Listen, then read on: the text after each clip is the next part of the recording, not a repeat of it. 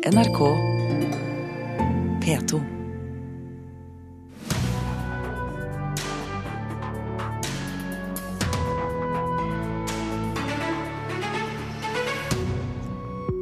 Politiske grupperinger i utlandet bruker falske norske Facebook-profiler for å spre propaganda i Norge. Informasjonskrigen har kommet til den norske nettdebatten. Trondheim kunstmuseum markerer at en av Norges største kunstnere, Inger Sitter, døde i går, 85 år gammel. Sitter debuterte ved Kunstmuseet som 13-åring. Og Samtidsmusikken lider under finanskrisen, mener Stavanger Symfoniorkester, og har invitert ledende komponist til gjesteopphold og minifestival. Kulturnytt i dag får du med Birger Kolsrud Jåsund i studio. Medier i flere land sliter med at nettavisenes kommentarfelt fylles av propaganda, også i Norge. VG-nett har oppdaget at russiske og ukrainske grupperinger bruker falske norske Facebook-profiler for å påvirke debatten i kommentarfeltene. Det forteller sosiale medier-ansvarlig Øyvind Solstad.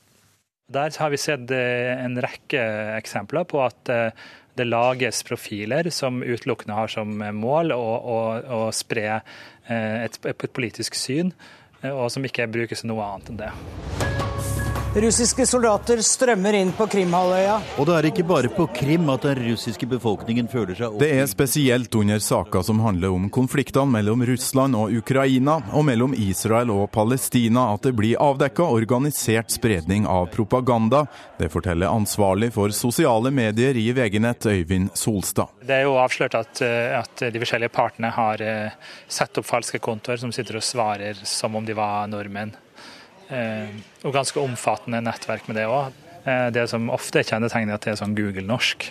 Så de har oversatt både spørsmål og påstander og, og sånne type ting. Da. Eh, det har også vært rapportert av andre anerkjente medier som britiske The Guardian og finske regjeringen gikk også ut mot det med en advarsel i fjor høst om det, så det er jo ikke noe nytt. Det er veldig mange eksempler på det. Oberstløytnant Geir Hågen Karlsen er hovedlærer i strategisk kommunikasjon ved Forsvarets stabsskole.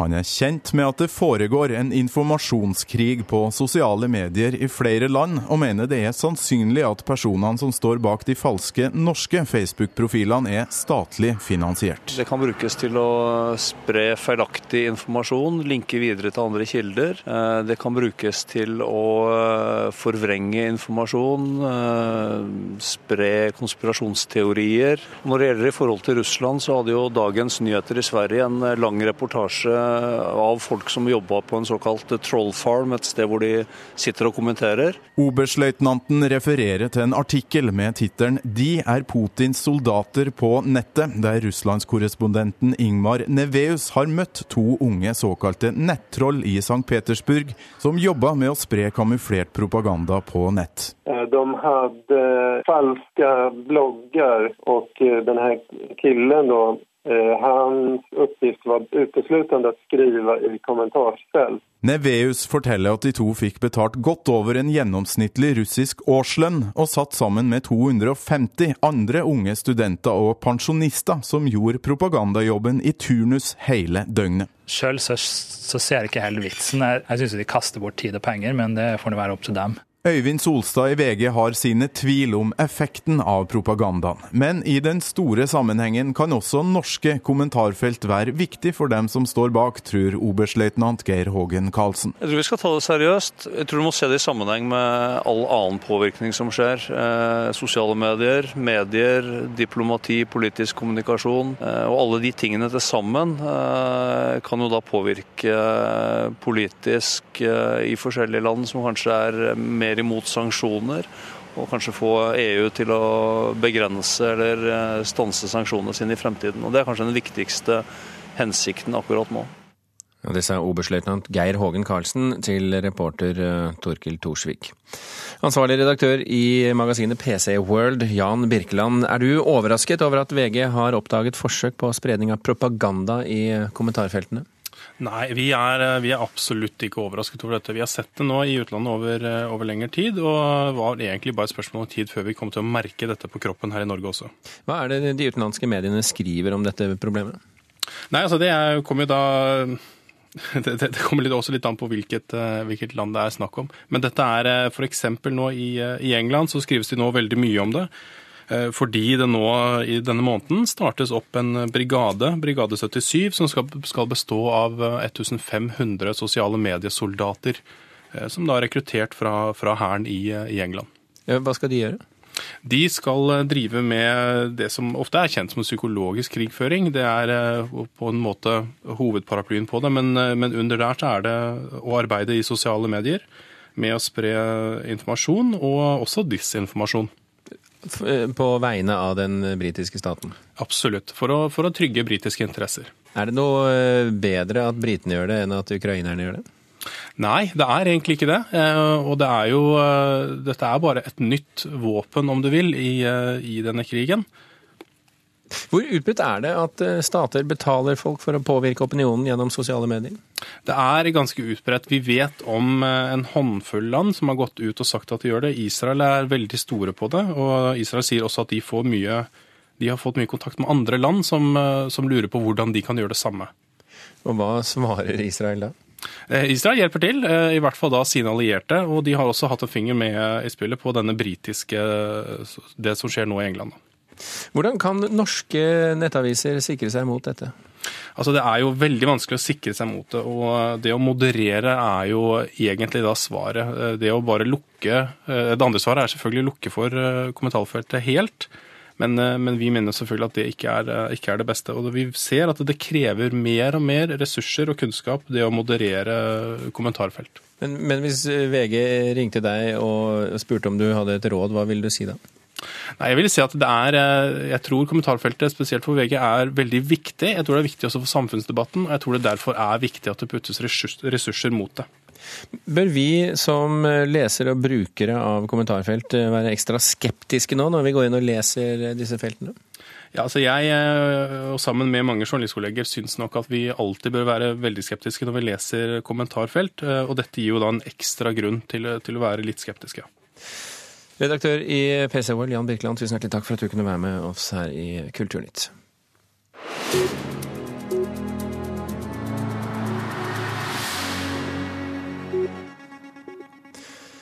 Den store journalistprisen for 2015 eh, gikk i år til journalistene Synnøve Aasebø og Maria Mikkelsen i VG. De fikk utmerkelsen for saken de skrev om Odin, han som ble mobbet så han til slutt tok sitt eget liv. Saken de to journalistene skrev, satte i gang en stor samfunnsdebatt om mobbing, og Harald Stanghelle i Norsk Presseforbund begrunner prisen med at historien om Odin skapte engasjement både hos unge og gamle, og fant sin vei inn til både kongens og statsministerens nyttårstaler.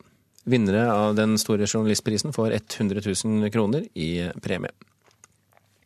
Kode, eller eh, Kunstmuseet i Bergen, har sagt opp konservatorstaben sin, det skriver Aftenposten i dag. Kode skal fra nå av ikke ha en egen konservatoravdeling, men heller kjøpe tjenester etter behov. Nordisk konservatorforbund reagerer med vantro og frykter at kunstverk skal forringes. Kodedirektør Karin Hinsbo sier derimot til Aftenposten at dette er den beste løsningen, og at den vil styrke museets evne til å ivareta samlingen. I Trondheim kunstmuseum planlegges det minnestund og spesielle omvisninger etter at en av Norges største kunstnere, Inger Sitter, døde i går. Sitter ble født i Trondheim og har betydd mye for oss, sier direktør Johan Børjesson. Ja, hun har stor betydelse for eh, Trondheim kunstmuseum og for kunsten i Trondheim. Og eh, det kommer å bli særskilte omvisninger på gråmøllene eh, ja, som, som, blir en form av eh, minnestund for Inger Sitter. Galleri Brandstrup var viktig for Inger Sitter, og gallerieier Kim Brandstrup mottok budskapet om hennes død med stor sorg. Han trøster seg likevel med at Sitter hadde sin siste utstilling på galleriet hans i fjor. Også Nasjonalmuseet har flere av Inger Sitters kunstverk, men direktør Audun Eckhoff har ikke rukket å tenke på fremtiden eller lagt noen planer om en minneutstilling. Vi har vel ikke rukket å tenke mer enn at vi eh, skal markere hennes bortgang med noen minneord. Så vi får se hva, hva vi gjør, men hennes kunst er jo sentral i, i våre samlinger uansett. Så det, eh, hun kommer nok til å bli, få oppmerksomhet. Og vi hadde jo en del malerier av henne på fjorårets sommerutstilling i Nasjonalgalleriet også, som var viet eh, den abstrakte generasjonen fra, fra norsk 50-, eh, 60- og 70-tall. Inger Sitter og Håkon Bleken, også han fra Trondheim, donerte for fem år siden 500 malerier, tegninger og grafikk til museene i Trondheim. Sitter var misfornøyd med måten kunsten ble behandlet på, og fryktet at den ville havne i kjelleren.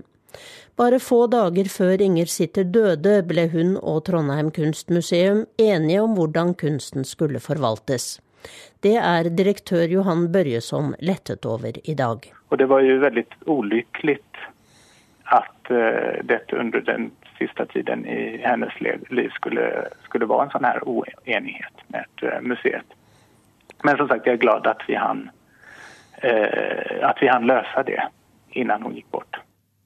Direktør i Trondheim kunstmuseum Johan Børjesson der, til vår reporter Tone Staude. Kunstkritiker her i NRK, Mona Palle Bjerke. Kunstnere som holder på lenge nok, de får ofte en slags eh, ikonstatus. Passer denne ikonstatusen på Inger Sitter også?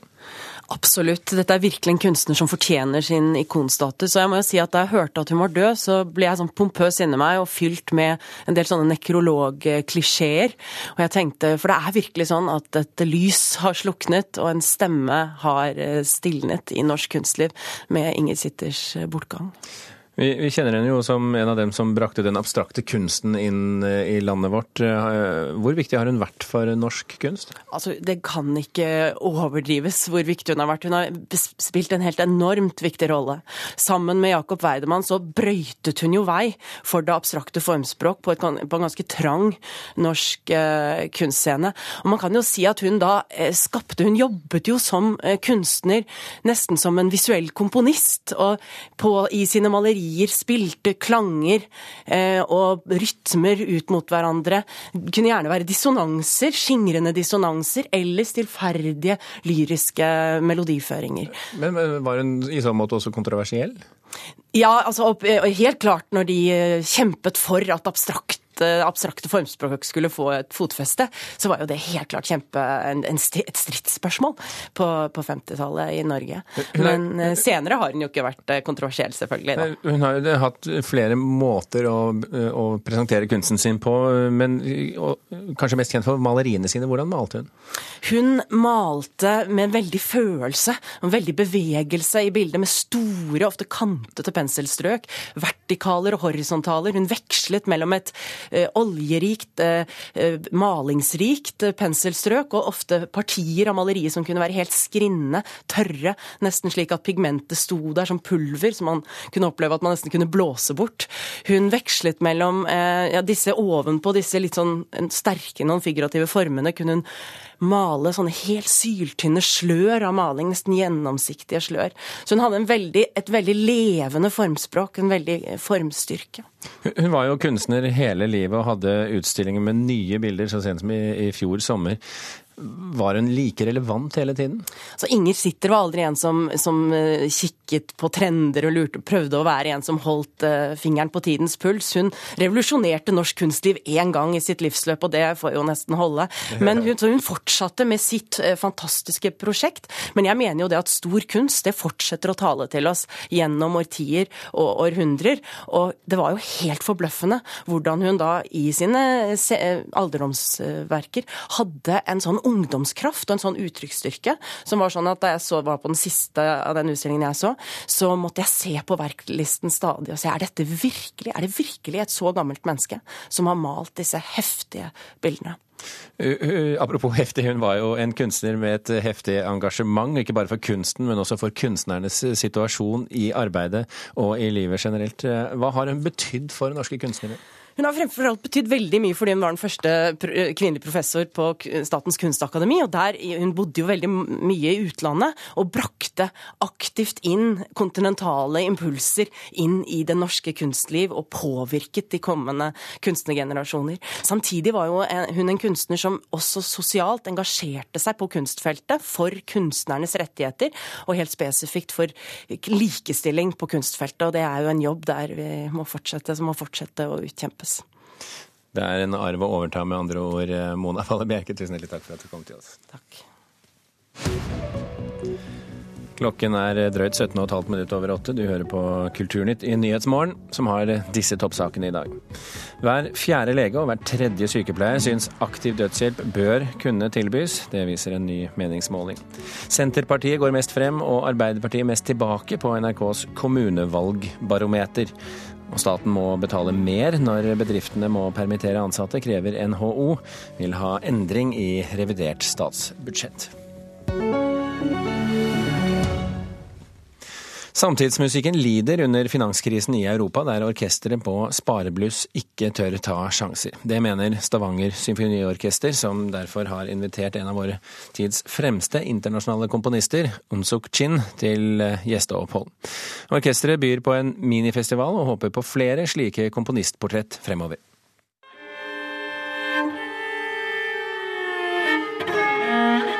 Solist Isang Enders og Stavanger symfoniorkester har prøve på Unsuk Chins cellokonsert.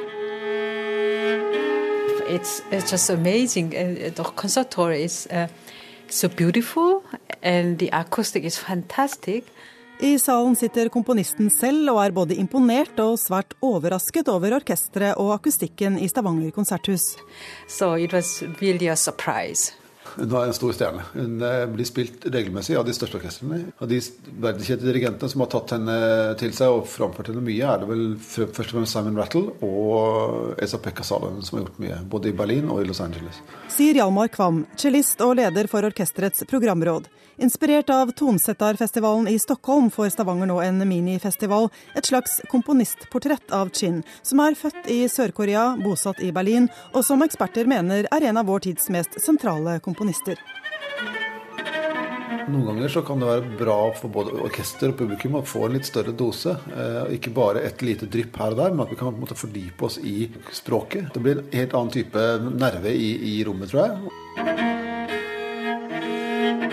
Unsuk Chin er i Stavanger i ti dager, og det blir tre konserter med hennes musikk samt foredrag med 53-åringen. Samtidsmusikken trenger virkelig et løft i disse finanskrisetider, sier direktør i Stavanger symfoniorkester, Trude Marit Risnes. Kulturens vilkår i Europa f.eks.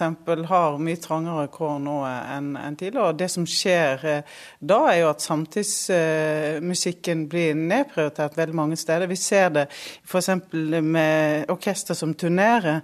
Så kvier mange konserthus til å ta programmet med, med samtidsmusikk, fordi det innebærer en risiko risiko hvorvidt eh, folk vil komme. Uh, the time is, is getting more and more uh, difficult for contemporary music. Det er riktig at samtidsmusikken nå rammes av økonomiske kutt i orkestre, festivaler og musikkskoler, til og med i Tyskland, sier Unsuk Chin, som derfor setter stor pris på det Stavanger-orkesteret nå gjør.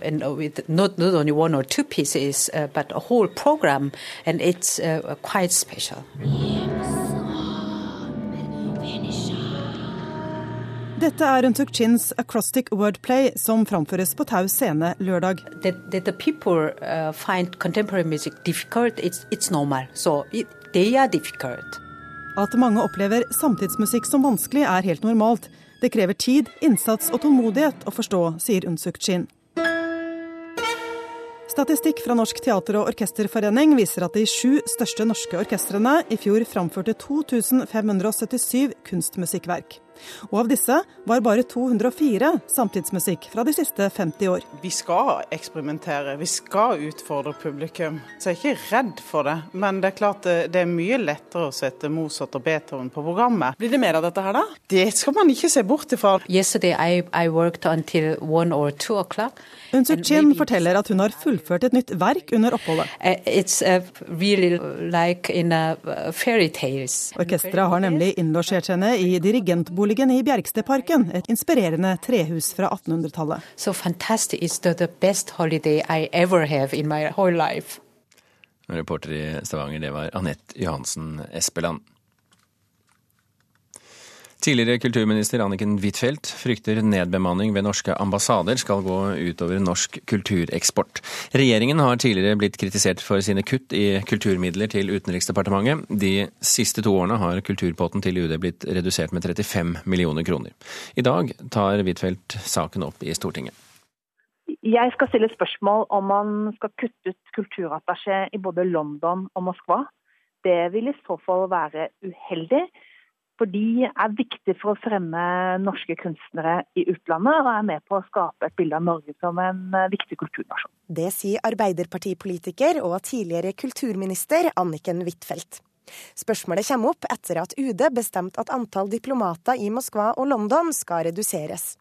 Huitfeldt frykter at nedbemanninga skal ramme kulturfeltet.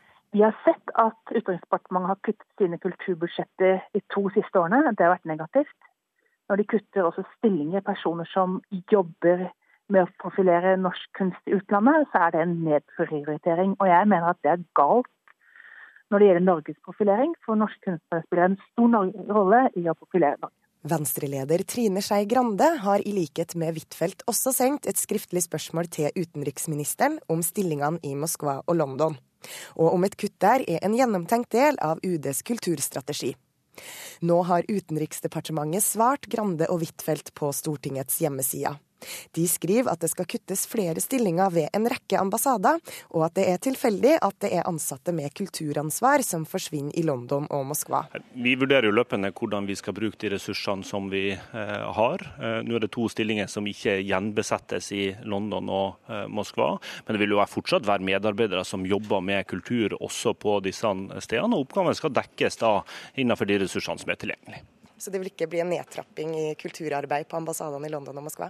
Ja, Nå trekkes jo disse stillingene tilbake, og det får selvfølgelig betydning. Men det vil fortsatt være medarbeidere som skal dekke kulturfeltet, og vi har ambisjoner også på det området fremover.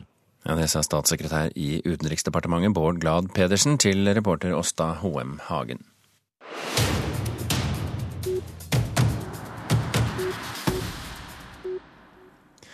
Svenskjævel har fått mye oppmerksomhet for hvordan eh, den tar opp forholdet mellom oljerike nordmenn og svenske, unge, unge svensker som kommer hit til landet for å jobbe. Vår filmanmelder mener eh, filmens observasjoner er uventede og spennende, og at den er en eh, terapi for nabolandsforholdet.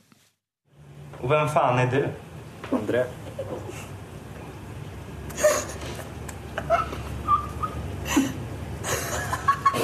André. Svenskjævel begynner folkelig og klisjépreget. Så utvides historien og perspektivene og bryter ned svenskjæveltema og nabolandsmyter. Jeg er imponert. Forfatteren og regissøren Ronny Sandal har valgt en krevende vei, og han har fått det til. Filmen er uventet. Uklarheten i vårt selvbilde og andres observasjoner er spennende. Flere perspektiv er overraskende. Myter brytes ned, luften tas ut av vitser.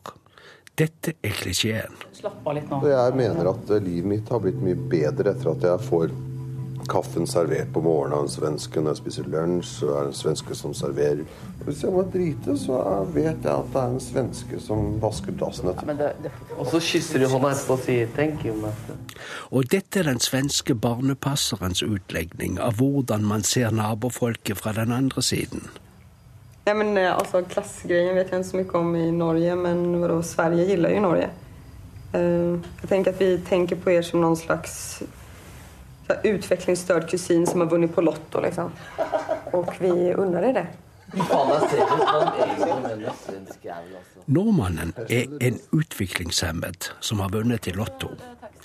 Etter å ha lekt litt med rivaliseringen er sameksistensen fri for vrøvl. Kjærligheten er fri for glitter, det blir en kjærlighetshistorie, i hvert fall en forelskelse.